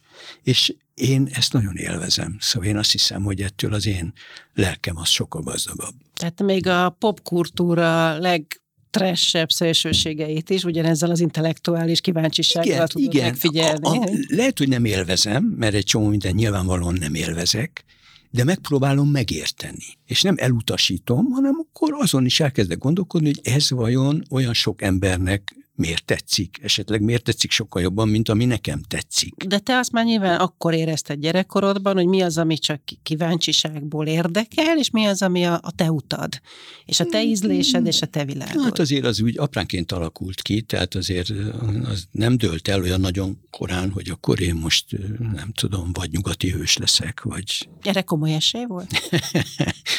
hát, akkor igen. Vagy szumóbirkózó? Igen, akkor igen, akkor, akkor mindenre volt esély esély, amikor az ember kisfiú. Mivel lehetett neked kisfiúkorodban a legnagyobb örömet szerezni? Hát, nem tudom, ez egy érdekes kérdés. Hogy valószínűleg a mákos nudli az biztos, hogy egy előkelő helyen szerepelt ezen a listán, úgyhogy meg a krumplis pogácsa. De enni hogy, szerettél. Tessék? Enni szerettél jókat. Igen, miközben meg ilyen egy szálbelű vékony kisfiú voltam. Hát, szerintem ugyanazt, mint minden más kisfiúnak. Tehát, hogy filmeket nézni, tévében, meg szerettem a zenét, meg nem, nem volt semmi olyan, hogy ami, amiről úgy ezen kéne gondolkodnom, hogy mi volt az. Azon is elég nehéz lenne gondolkodni, hogyha most azt kérdezni, hogy most mi az, amivel örömet lehet szerezni nekem. Biztos tudnék olyat mondani, nem biztos, hogy elmerném mondani így a nyilvánosság előtt, de akkor kérdezek egy könnyebbet, ugye most van hat gyermeked már, és számos unokád, mivel szeretsz örömet szerezni a gyerekeknek? Ez egy fura dolog, most éppen a kaja jutott ugye az eszünkbe, amikor az előbb kérdezted, hogy az ennivaló az azért az mindig egy szeretett nyelv, Tehát ha, ha tudom, hogy valamit szeretnek, akkor azt megpróbálom nekik elkészíteni vagy megsütni, de én nem vagyok egy ilyen nagy szakács, tehát csak hogyha valami szeretetteljes szándék van vele, de hát tudom, hogy akkor a Lukács fiammal moziba kell menni, meg nem tudom, ki kell menni a kertbe, vagy térre focizni egy kicsit, szóval, hogy a nagyobb gyerekeim Hát azok nagyok, tehát ugye egy részük nem is él itthon, tehát a azok két, is két lányom, aki, Hát igen, hát akkor közös program. Hát a gyerekek általában ugye azoknak az a nagy öröm, hogyha közös program van, és hogyha a közös program olyan, ami nem a papának a kedvenc programja, hanem az övék. Tehát, hogy akkor most róluk szóljon a történet, és nyilván ez a jó. Ugye erről te sokat szoktál beszélni, hogy ez a bizonyos hat gyermek, ez elég nagy korkülönbségekkel született, gyakorlatilag különböző generációkat képviselnek. Nagyon mást kaptak belőled?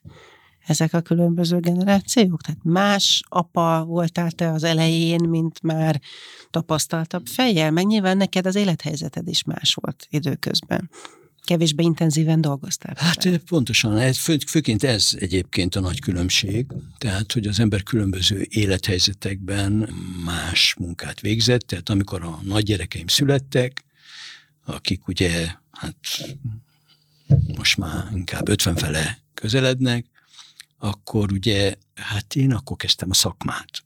Sőt, hát mikor az első gyerekem megszületett, nagyjából akkor kezdtem a szakmát, akkor kerültem a rádióba, és akkor hát ez a szorongós fiatal, aki szeretne a szakmájában megfelelni, és aki állandóan attól aggódik, hogy akkor hát, ha majd kudarcot vall, és hát ezek a félelmek azt hiszem, hogy minden pályakezdőben megvan, tehát erre az időszakra esett a két első gyerekem, és nyilván akkor tudtam velük foglalkozni, amikor a munkából hazakerültem. Aztán elkezdtem ugye egy-két évvel később tévézni, akkor újra kezdődött ez a szorongás, hogy akkor megfelelek-e a televíziózásnak. Most majd utólag visszagondolva nem is értem, hogy mitől szorongtam, de hát akkor az egy természetes dolog, hogy az ember valami újba belevág, és ha még az agya nem szállt el eléggé a nagyképűségtől, akkor azért az, az jó, ha van benne egy, egy természetes kételj az önmaga képességei iránt.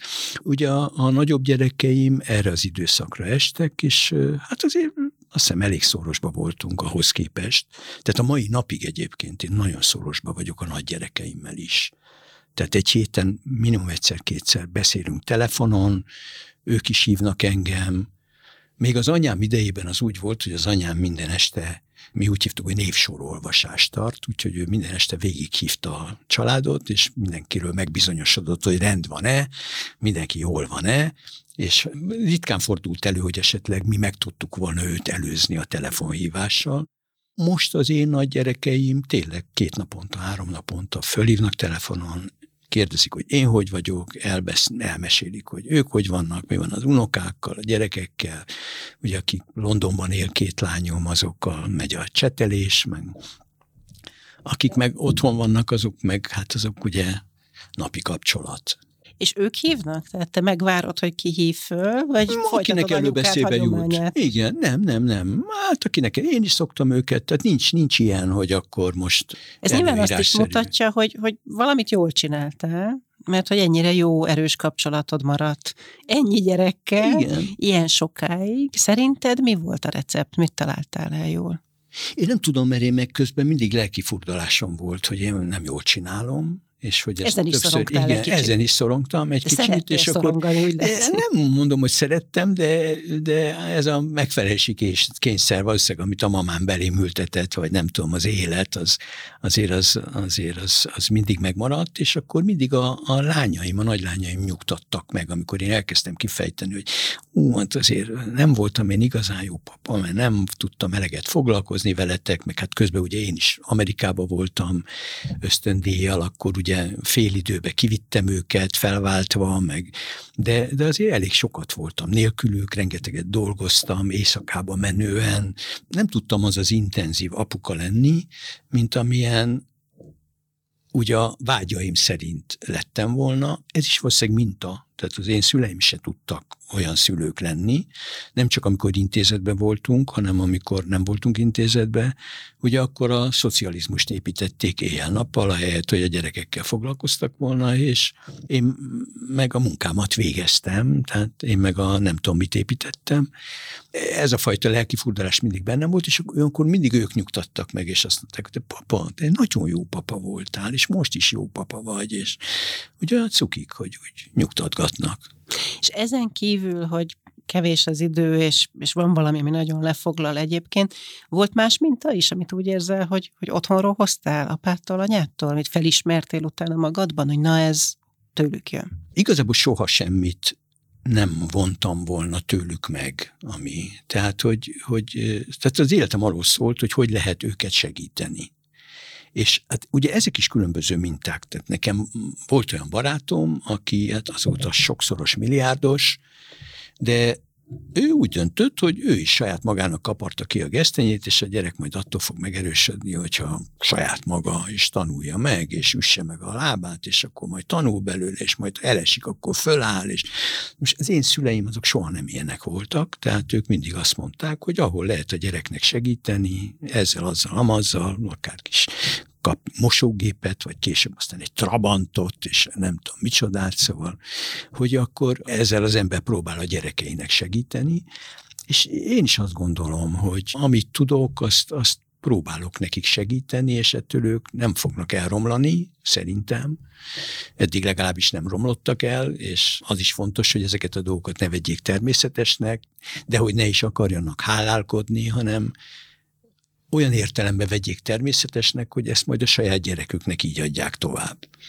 És ez, ez olyan működőképesnek tűnik. Ha gyereknél az egy nehézség, hogy hogyan lehet úgy segíteni, hogy közben azért valahol egyenlőek legyenek a feltételek, az esélyek, ne, ne érezze egyszer csak az egyik másik gyerek azt, hogy ő kevesebb segítséget, bármit kap. Hát eddig úgy nagyjából nagyjából azért sikerült. Mindenkinek másra van szüksége, tehát ugye a, a nagyobbaknak ugye lakást kell, mondjuk eddig, hát igen, majdnem mindegyiknek ugye lakást kellett valahogy segíteni, ilyen, olyan kisebb lakást, nagyobb lakást, elváltak, újra férhez mentek, megint segíteni Ez egy kellett. Igen. szép életprogram egy segíteni igen, vágyó igen, apukának, ha igen, gyereket felszerelni igen, lakásokkal igen, és minden. Hát nagyjából erről szól a, az ember élete, már legalábbis az enyém. Tehát én ezt egy természetes dolognak tartom, hogy ahol tudok, azt inkább csak az a problémám, hogy nem tudok még többet segíteni, az unokáknak is kellene, és ugye azért az már az nehéz. És mondod, hogy ezt kaptad te is otthonról, a te szüleidnek igen, is az volt a fontos, hogy, hogy nektek jó legyen, és nektek segítsenek, még akkor is, hogyha ez nem volt mindig olyan azonnal látható kívülről, amikor igen, éppen igen. beraktak az intézetbe azért, hogy nektek jó legyen. De Ugye mondtad, hogy anyukád nagyon szigorú is volt, ennek nyomait én így kívülről, de hát azért mi felszínesen ismerjük egymást, nem látom rajtad. Otthon van egy szigorú nem, apa nem. éned? Nem, abszolút nincs, sőt. Ja, valószínűleg ez ellentétben azzal, hogy mint a mamám képviselt, hogy szóval én nem akartam soha nyomasztó lenni. Ezt mindig a feleségeimre hagytam ezt a feladatot. És akkor... Direkt választottál magadnak olyanokat, akik erre alkalmasak Szigorú, lesznek? erős asszonyokat választottam, de én anyám is ilyen volt, tehát ez nyilván ez is egy örökség, hogy, hogy az ember anélkül, hogy ezt magának kimondaná, hogy de hogy ki a rokonszenves, meg hogy ki az, aki, tehát anyatípusú és erős nőket választottam és in, intelligens nőket választottam mindig magam mellé, és hát ez valószínűleg egyfajta anyakép is, nem vagyok szigorú, sőt, ellentétben én vagyok a megértő. Egyszer, egyszer azt mondta az egyik gyerekem, hogy a mostaniak közül, hogy azt mondta, hogy nálunk ez pont fordítva van, nálunk a, a papa viselkedik úgy, mintha ő lenne a mama, és a mama úgy, mint hogyha a papa, de hát aztán megbeszéltük, hogy azért ez egy klisé. Hát persze sokféle fejében. család van, de hát valóban igen. van ez a sztereotípia. Igen, majd a papa a kemény, apa. és a igen. mama meg a megértő. Én meg azt gondolom, ezek klisék, tehát én azt gondolom, hogy egy papa is lehet szigorú is, néha, meg néha megértő is, és egy mama is jó, ha néha szigorú, néha meg megértő, úgyhogy... De azért mondjuk neked jutott a bulisabb szerep. A bulisabb? Hát a, a jó fejapukának lenni, aki mindent megenged. Ja, ja, ja. Meg... Nem, azért mindent nem engedek meg, tehát azért most már egy kicsit azt hiszem, hogy határozottabb vagyok, mint a nagyokkal voltam. A Juli lányom, aki a legnagyobb lányom, már felnőtt volt, amikor egyszer azt mondta nekem, hogy azért tudod, papa, ha néha nemet mondtál volna, mi akkor is ugyanúgy szerettünk volna téged.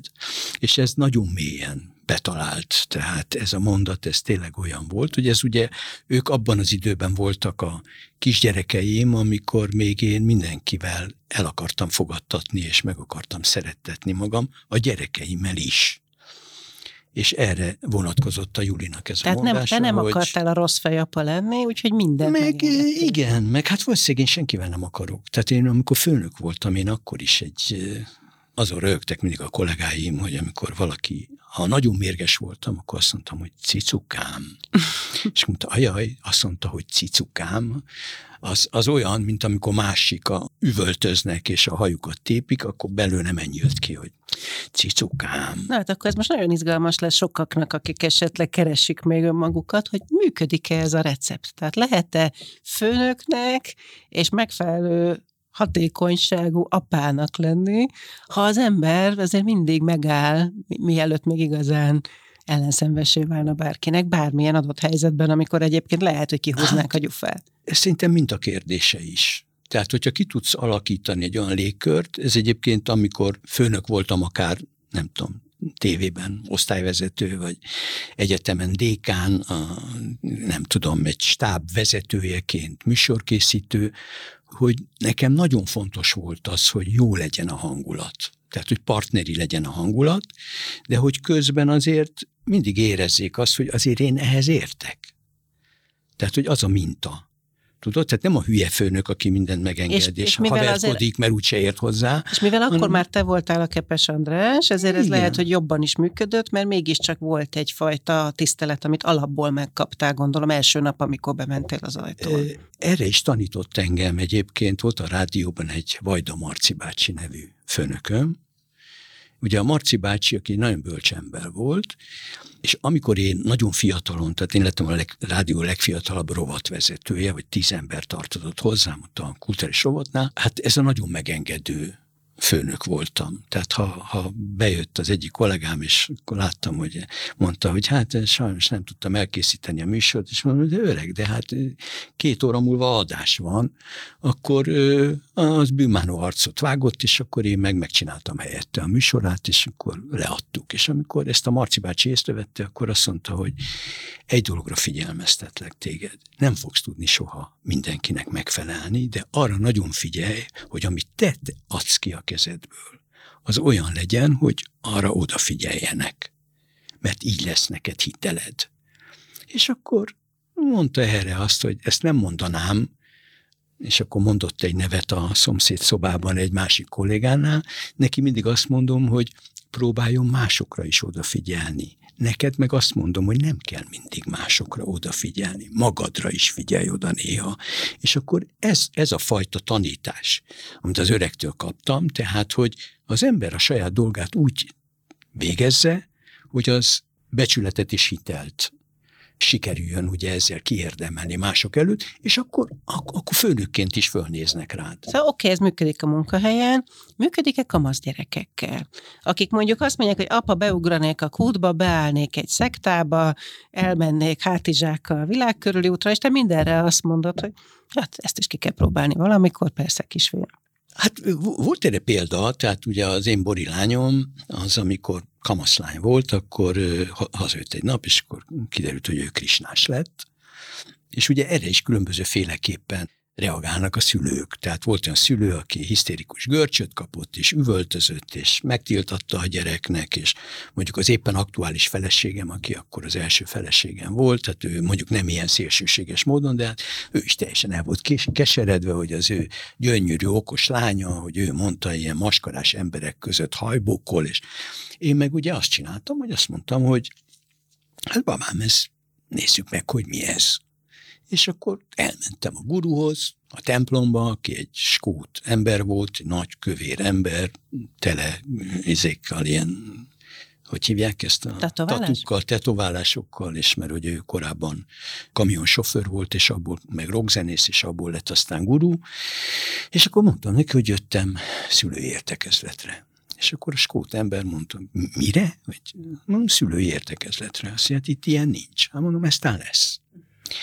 Mert én az a típusú szülő vagyok, aki hagyja, hogy a gyereke az járja a saját útját, de én ott lihegek közvetlen a nyomában, mert ha segíteni kell, akkor szeretnék neki segíteni, hogy érezze azt, hogy valaki van mögötte, úgyhogy jó, ha ezt önök is tudják, hogy én rendszeresen közelről fogom figyelni, hogy mi történik a gyerekemmel, egyébként meg hagy járja a saját útját. És akkor ez nagyon hasznos volt, mert ugye én így ismertem meg a hinduizmust, mert azt mondtam a lányomnak, hogy oké, okay, akkor ez ne egy szerep legyen, hogy mert te nagyon gyönyörű vagy a száriba, és úgy nézel ki, mint egy indiai hercegnő, hanem akkor, akkor vegyük komolyan ezt a dolgot. Akkor ez egy ősi vallás, ez egy nagyon fontos vallás, egy hihetetlen izgalmas és gyönyörű kultúra, és akkor vettünk ilyen könyveket, elkezdtük ezeket nézni, meg tudtam, hogy őt érdekli az iparművészet, a képzőművészet, és én rengeteget tanultam ebből, Úgyhogy én szerintem ez is, egy, ez is egy járható út, hogy az ember nem tilt, hanem azt mondja, hogy akkor járjuk együtt ezt az utat. De azért ez jó pofa, mert az pontakozik így ki előttem, hogy te jó fej vagy, mert igazából hagyod, hogy minden gyereked azt csinálja, amit akar, meg valószínűleg általában az embereket az életben hagyod, hogy Igen. tegyék, amit szeretnének, de azért, hogy hogyan, ahhoz már van véleményed, hogy ha valamit csinálsz, fiam, akkor azt csináld rendesen. Félseggel nem ülünk azon a lovon. Igen, igen, mert igen, hát ez valószínűleg, hát mondjuk ez is egy nehéz ügy, mert ugye kérdezted, hogy akkor volt-e olyan mondatom, amit a gyerekeimnek mondtam is, ami nem volt, tehát ami kicsit kártékony volt, hogy amikor azt mondtam nekik, hogy mindegy, hogy mi lesz az életben, de próbálj abból a legjobb lenni. Tehát mondjuk akár a legjobb krisnás, hogyha éppen Akármi. ez van a De ez nem egy jó mondat. Később rájöttem, hogy ez egy nyomasztó mondat. Miért kéne a legjobbnak lenni? Bármiből, és különösen amikor ezt egy nagyon sikeres apa mondja a gyerekének. Ez egy borzasztó nyomasztó Mert történet. hogy azért ezek szerint miközben te az elengedést gondoltad gyakorolni, te akkor is a maximalizmusodat igen, vitted bele, igen, igen. csak azt mondtad, hogy, hogy miben leszel maximalista, azt, azt eldöntheted. Majd el, csak legyél a legjobb. De legyél És az. hogy nem kell, hogy az ember a legjobb legyen. Úgyhogy én ezt a mondatot aztán későbbiekben úgy alakítottam át, hogy nem kell, hogy a legjobb legyen. Érezd jól magad benne. Vedd magad komolyan. Azt csináld, ami neked jó. És nem kell másokhoz hasonlítani magad. És én, én mondjuk nekem szerencsém volt, én is el tudtam érni azt saját magammal, hogy nem akartam soha másokhoz magamat hasonlítani. Semmiben. Se tévében, se írásban, semmiben. Tehát a recept, amit te most adsz a harmadik alom gyereknek, az elsőhöz képest, az már nagyon más? Igen. Látszik ennek nem, a hatásai én, szerinted? Mondjuk Azt hiszem megengedőbb, egy bizonyos értelemben megengedőbb, és bizonyos értelemben meg azért a határok azért ki vannak jelölve, tehát jobban ki vannak jelölve a határok, tehát hogy mit lehet és mit nem lehet, és akkor a határon belül mit lehet csinálni, de mondtam, hogy a feleségeim voltak az, akik ilyen nagyon szigorúan kijelölték a határokat. Tehát én könnyen lehettem megengedő apuka, mert mindig volt a rossz rendőr, aki de azért a, fele, a, a felesége se abból csinált balhét, hogyha a Krishna iránt érdeklődött a lányod. Tehát ja, azért... az első feleségem. Hát ő azért ebben nem volt olyan megértő, de rokonszenves volt neki, ahogy én hozzá álltam ehhez, ugye, és a, ugye a második feleségem, ő meg, hát ő még egy ilyen nagyon elkötelezett pedagógus, tehát ott aztán minden feleségem pedagógus volt. Hát azért volt, aki még egy kicsit gyógypedagógus is, úgyhogy... És hát te is pedagógus vagy, és ezzel... Hát bizonyos értelemben igen. Ezzel igen, meg is érkeztünk igen. tulajdonképpen az utolsó olyan fejezethez, ami végső soron gyerekekhez, és így aztán az UNICEF munkájához is kapcsolódik a beszélgetésünkben, hiszen nem véletlenül egy uh-huh. UNICEF podcastban ülünk itt. Veled lehetne beszélgetni, nem hogy napokat, de hónapokat nyilván. Viszont, hogyha megkíméljük ettől a közönségünket, akkor erre az egyre még engedd meg, hogy egy kicsit kitérjünk, hogy mindez, amit te megtanultál magadról, a, a kollégákról, a gyerekekről, ez aztán hogyan épült be abba, amilyen tanár? Lettél. És ez nyilván nem lehet ugyanaz, mint az embernek a saját gyerekeinél, mert ott jó ez a boldogság recept, de amikor te szakembereket képzel, akkor a szülők nem feltétlenül azt várják tőled, hogy boldog embereket küldj ki az egyetem kapuján, hanem hogy felkészült szakembereket küldj ki az egyetem kapuján. Ebben is bejártál egy utat, vagy úgy érzed, hogy ez, ez viszonylag konstans, amit erről gondolsz?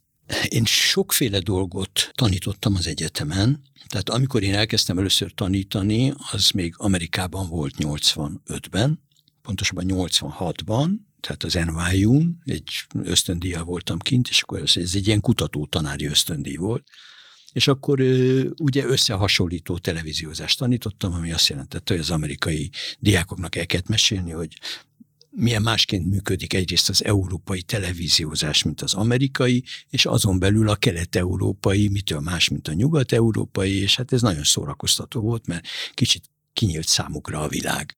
Aztán amikor én hazajöttem Amerikából, akkor színművészetén kezdtem tanítani, ott úgynevezett képernyős ismereteket, tehát hogy a televízió képernyőjén hogy kell műsort vezetni, hogy kell egy műsort szerkeszteni. Aztán ugye én azért abba hagytam a, az aktív képernyős munkát. Egyrészt dokumentumfilmeket kezdtem csinálni inkább, és nem ilyen beszélgetős műsorokat, vagy magazintípusú műsorokat. Az egyetemen is, tehát ugye most már azért tizen közel másfél évtizede ugye a, a METUN vagyok, tehát a Budapesti Metropolitan Egyetemen, most már csak ilyen professzor emeritusként, akkor dokumentumfilmek kezdtek engem érdekelni, munkaként is, tehát, illetve akkor már abba hagytam a televíziódást, de akkor főként azt tanítottam. Igazából odaig kellett eljutnom, tanárként, hogy egyrészt nem lehet mindenkitől ugyanazt megkövetelni, mert az embereknek a képességei nem azonos. Tehát mindenkitől a saját lehetőségeihez képest kell megkövetelni, hogy mire képes, ami ugye egy differenciált oktatást feltételez, nem jó összehasonlítgatni őket, mert az traumákat okoz, és hogy sokkal fontosabb a tanítás helyett, hogy valakit meg lehessen nyitni. Tehát, hogy ki tudjon nyílni, önmagához képest ki tudjon nyitni. Tehát ez nem egészen ugyanaz, mint amit mondtál, hogy ugye a szülők azért küldik oda a gyerekeket, hogy akkor majd a szakmát tanulják meg. Ezt a szakmát szerintem a gyakorlatban lehet megtanulni. Az egyetem az arra való, és én ilyen nagybetűkkel kiírnám az egyetem kapujára, hogy itt semmit nem fogsz megtanulni, egy lehetőséget kapsz arra, hogy szabadon tanulhass, és hogy próbálj kibontakozni. Úgyhogy én azt gondolom, hogy el kellett jutnom odáig, hogy nem mindenkitől ugyanazt követelem, megpróbálom őket motiválni, tehát valahogy föl kelteni az érdeklődésüket a, a saját szakmajuk iránt, és én is tanulok tőlük. Tehát ez a legizgalmas ebben, ebben az egészben, ugye hát ezek a gyerekek, akik gyerekek, hát nem illik ilyet mondani, szóval ezek a fiatalok, akik most uh, hozzám járnak, azok az unokáimmal egyidősek. Ugye én a legnagyobb unokám 23 éves, tehát sőt, fiatalabbak, alapszakosok, mint, a, mint az unokáim. Ezek másként gondolkodnak, más az érdeklődési körük, más izgatja őket, másként közelítik meg a témákat, és akkor valahogy ki kell egyeznünk. Én elmesélem, hogy én hogy csinálnám, és közben meg nagyon figyelek rá, hogy ők erről mit gondolkodnak, mármint, hogy ugyanarról a témáról ők hogy gondolkodnak, és ha sikerül szót érteni egymással, akkor szerintem az ideális változat az, hogy kölcsönösen tanulunk egymástól. És én ezt nem udvariságból mondom, hanem a lehető legkomolyabban, mint ahogy a gyerekeimtől is én próbálok tanulni. Mert olyan nagyok a korkülönbségek köztünk, egyre nagyobb. Ez nagyon izgalmas dolog, hogy, hogy hogy látják a világot ezek a gyerekek. Én lehet, hogy most megértettem valamit veled kapcsolatban, amit mindig megkérdezek tőled, akárhányszor találkozunk, dacára annak, hogy nincs kérdés, amit ennél jobban unhatsz ma már.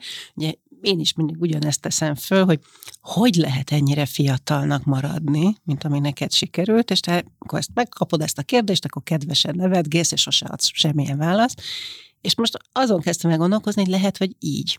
Tehát amit most mondtál, hogy te állandóan fiatalokkal veszed körül magad, gyerekekkel, unokákkal, diákokkal, most majdnem azt mondtam, hogy fiatal feleségekkel, de látom, hogy játszik a szád körül a mosoly, úgyhogy kimerem mondani.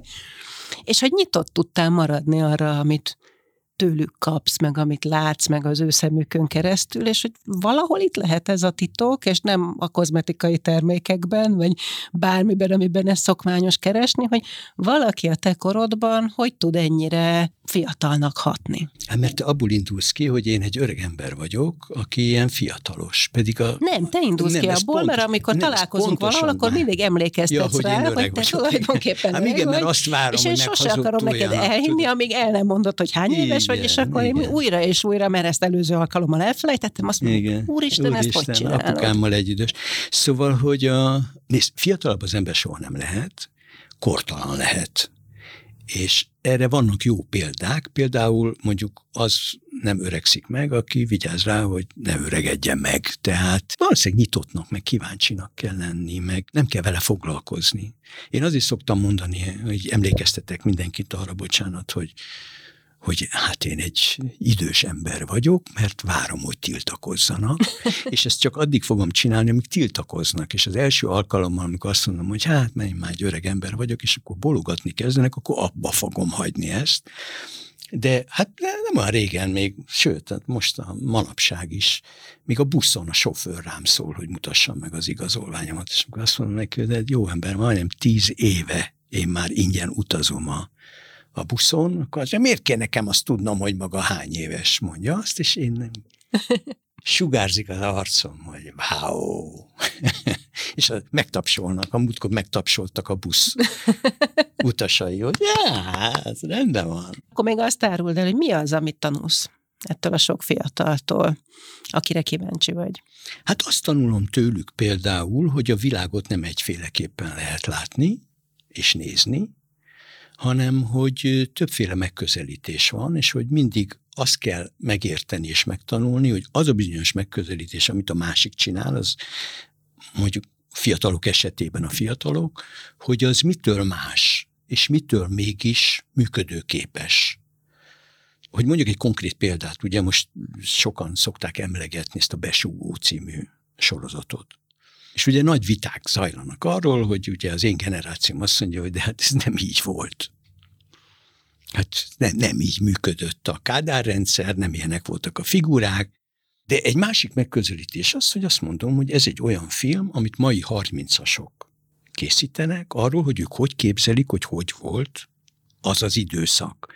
És ez egy másfajta megközelítés. Innentől kezdve az az érdekes, hogy akkor érdekesek-e a karakterek, hogy érdekes-e a történetvezetés, és én ezt tudom ezt a dolgot élvezni, ebből a szempontból, anélkül, hogy én is tudom, mert ugye hát én már azért felnőttecske voltam, amikor ez a film játszódik, ez nem ilyen volt, nem így működtek a dolgok.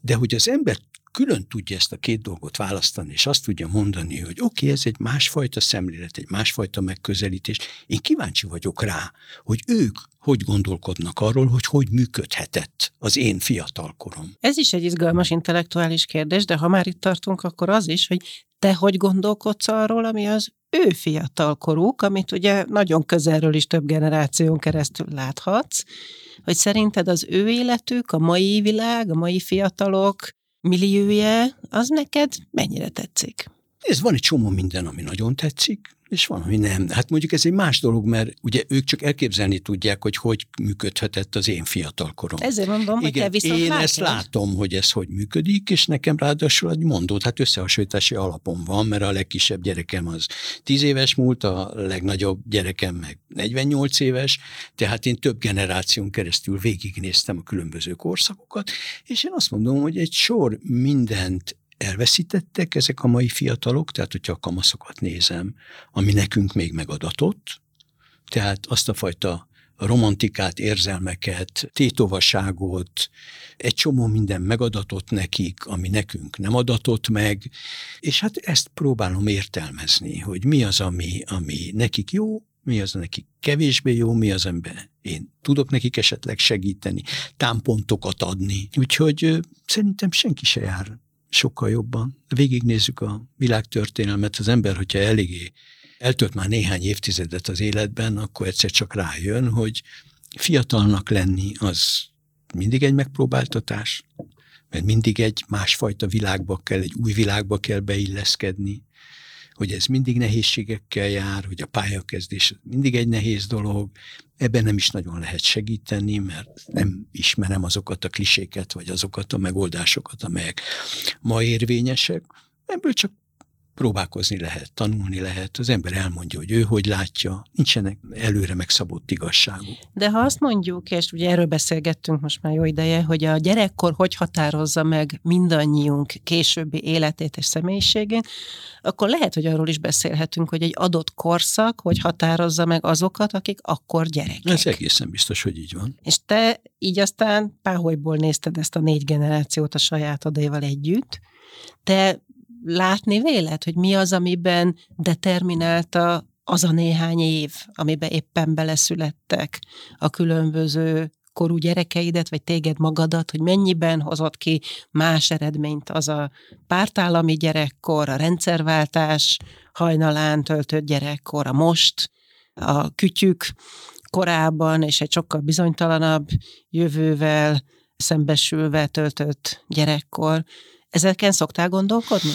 Szoktam, persze, hát mert összehasonlítom a gyerekeimnek a, az életét, a lehetőségeit, hát főként lehetőségben nagyon nagyok a különbségek. Hát akik, akik ugye, ugye a legnagyobb gyerekeim a 70-es években születtek, 70-es évek első felében, Hát nagy szerencse, hogy azért ő tudtam őket segíteni bizonyos lehetőségekhez, de messze nem volt egy olyan nyitott világ számukra, mint aki, milyen mondjuk akik a 90-es években született gyerekeim, nem véletlen, hogy azok ketten most éppen a Nagy-Britanniában tanulnak, illetve dolgoznak, tehát erre azért nagyon kevés esélye lett volna azoknak, akik a 70-es években születtek. És ugye a legkisebbek meg, akik meg ebbe az egész internetes társadalomba és világba beleszülettek, amikor már nagyon nehéz meg eldönteni, hogy mi az igazság és mi a hazugság. Ez egy nagy handicap ennek a generációnak, úgy nézem. Tehát ne, mi még kaptunk egy viszonylag stabil értékrendet, amit lehetett elfogadni és lehetett tagadni. Ugye ez a pártállalmi időszak volt. Ez még nagyjából a 70-es évekre is érvényes volt, tehát amikor voltak bizonyos állítások, amik részben politikai, részben gazdasági állítások voltak, és mindenkinek, családoknak, embereknek el kellett dönteni, hogy mi az, amit ebből elfogad, és mi az, amit visszautasít. Nem véletlen, hogy ugye akkor úgy tűnt, mintha akik nem értettek egyet a Kádár rendszerrel, mintha azok azonos gondolkodásmódban lettek volna. Majd ugye a rendszerváltásnál egyszer csak kiderült, hogy hát ez nem így volt. Tehát az a több tucatnyi párt, az mind egységesnek tűnt vagy még az MSZMP-n belül, vagy az MSZMP ellenére abban az időszakban, tehát elkezdett a dolog töredezetté válni.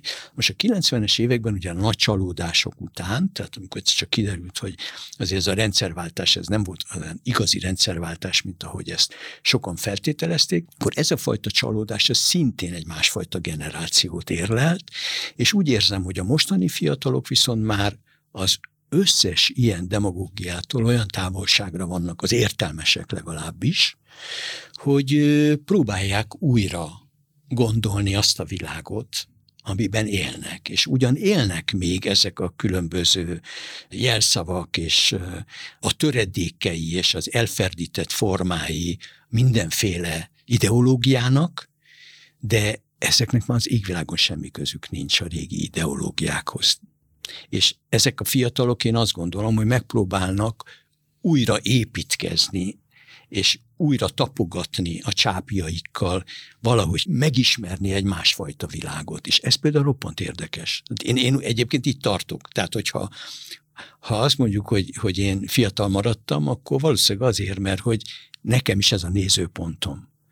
Hogy hogy lehet mondjuk azzal a nagy előnyel, hogy ugye a régi világ ismeretében hogy lehet eljutni odáig, hogy az ember azt mondja, hogy nem hagyja magát befolyásolni csak a saját tapasztalataitól, és csak a saját maga által megélt élményektől, hanem tudomásul veszi, hogy van egy új világ, és ennek az új világnak mások lesznek az alapjai, mások lesznek a szempontjai, más az értékrendje, és hogy ezt föl kell fedezni. És én azt látom, hogy a fiatalok is körülbelül ebben sántikálnak. Nagyon köszönöm a beszélgetést. Köszönöm. Ha tetszett a beszélgetés, iratkozz fel a YouTube csatornánkra. Kövesd az Így lettem további epizódjait, oszd meg és lájkold a videókat, az unicef.hu oldalon pedig megnézheted, hogy te mit tehetsz a gyerekekért.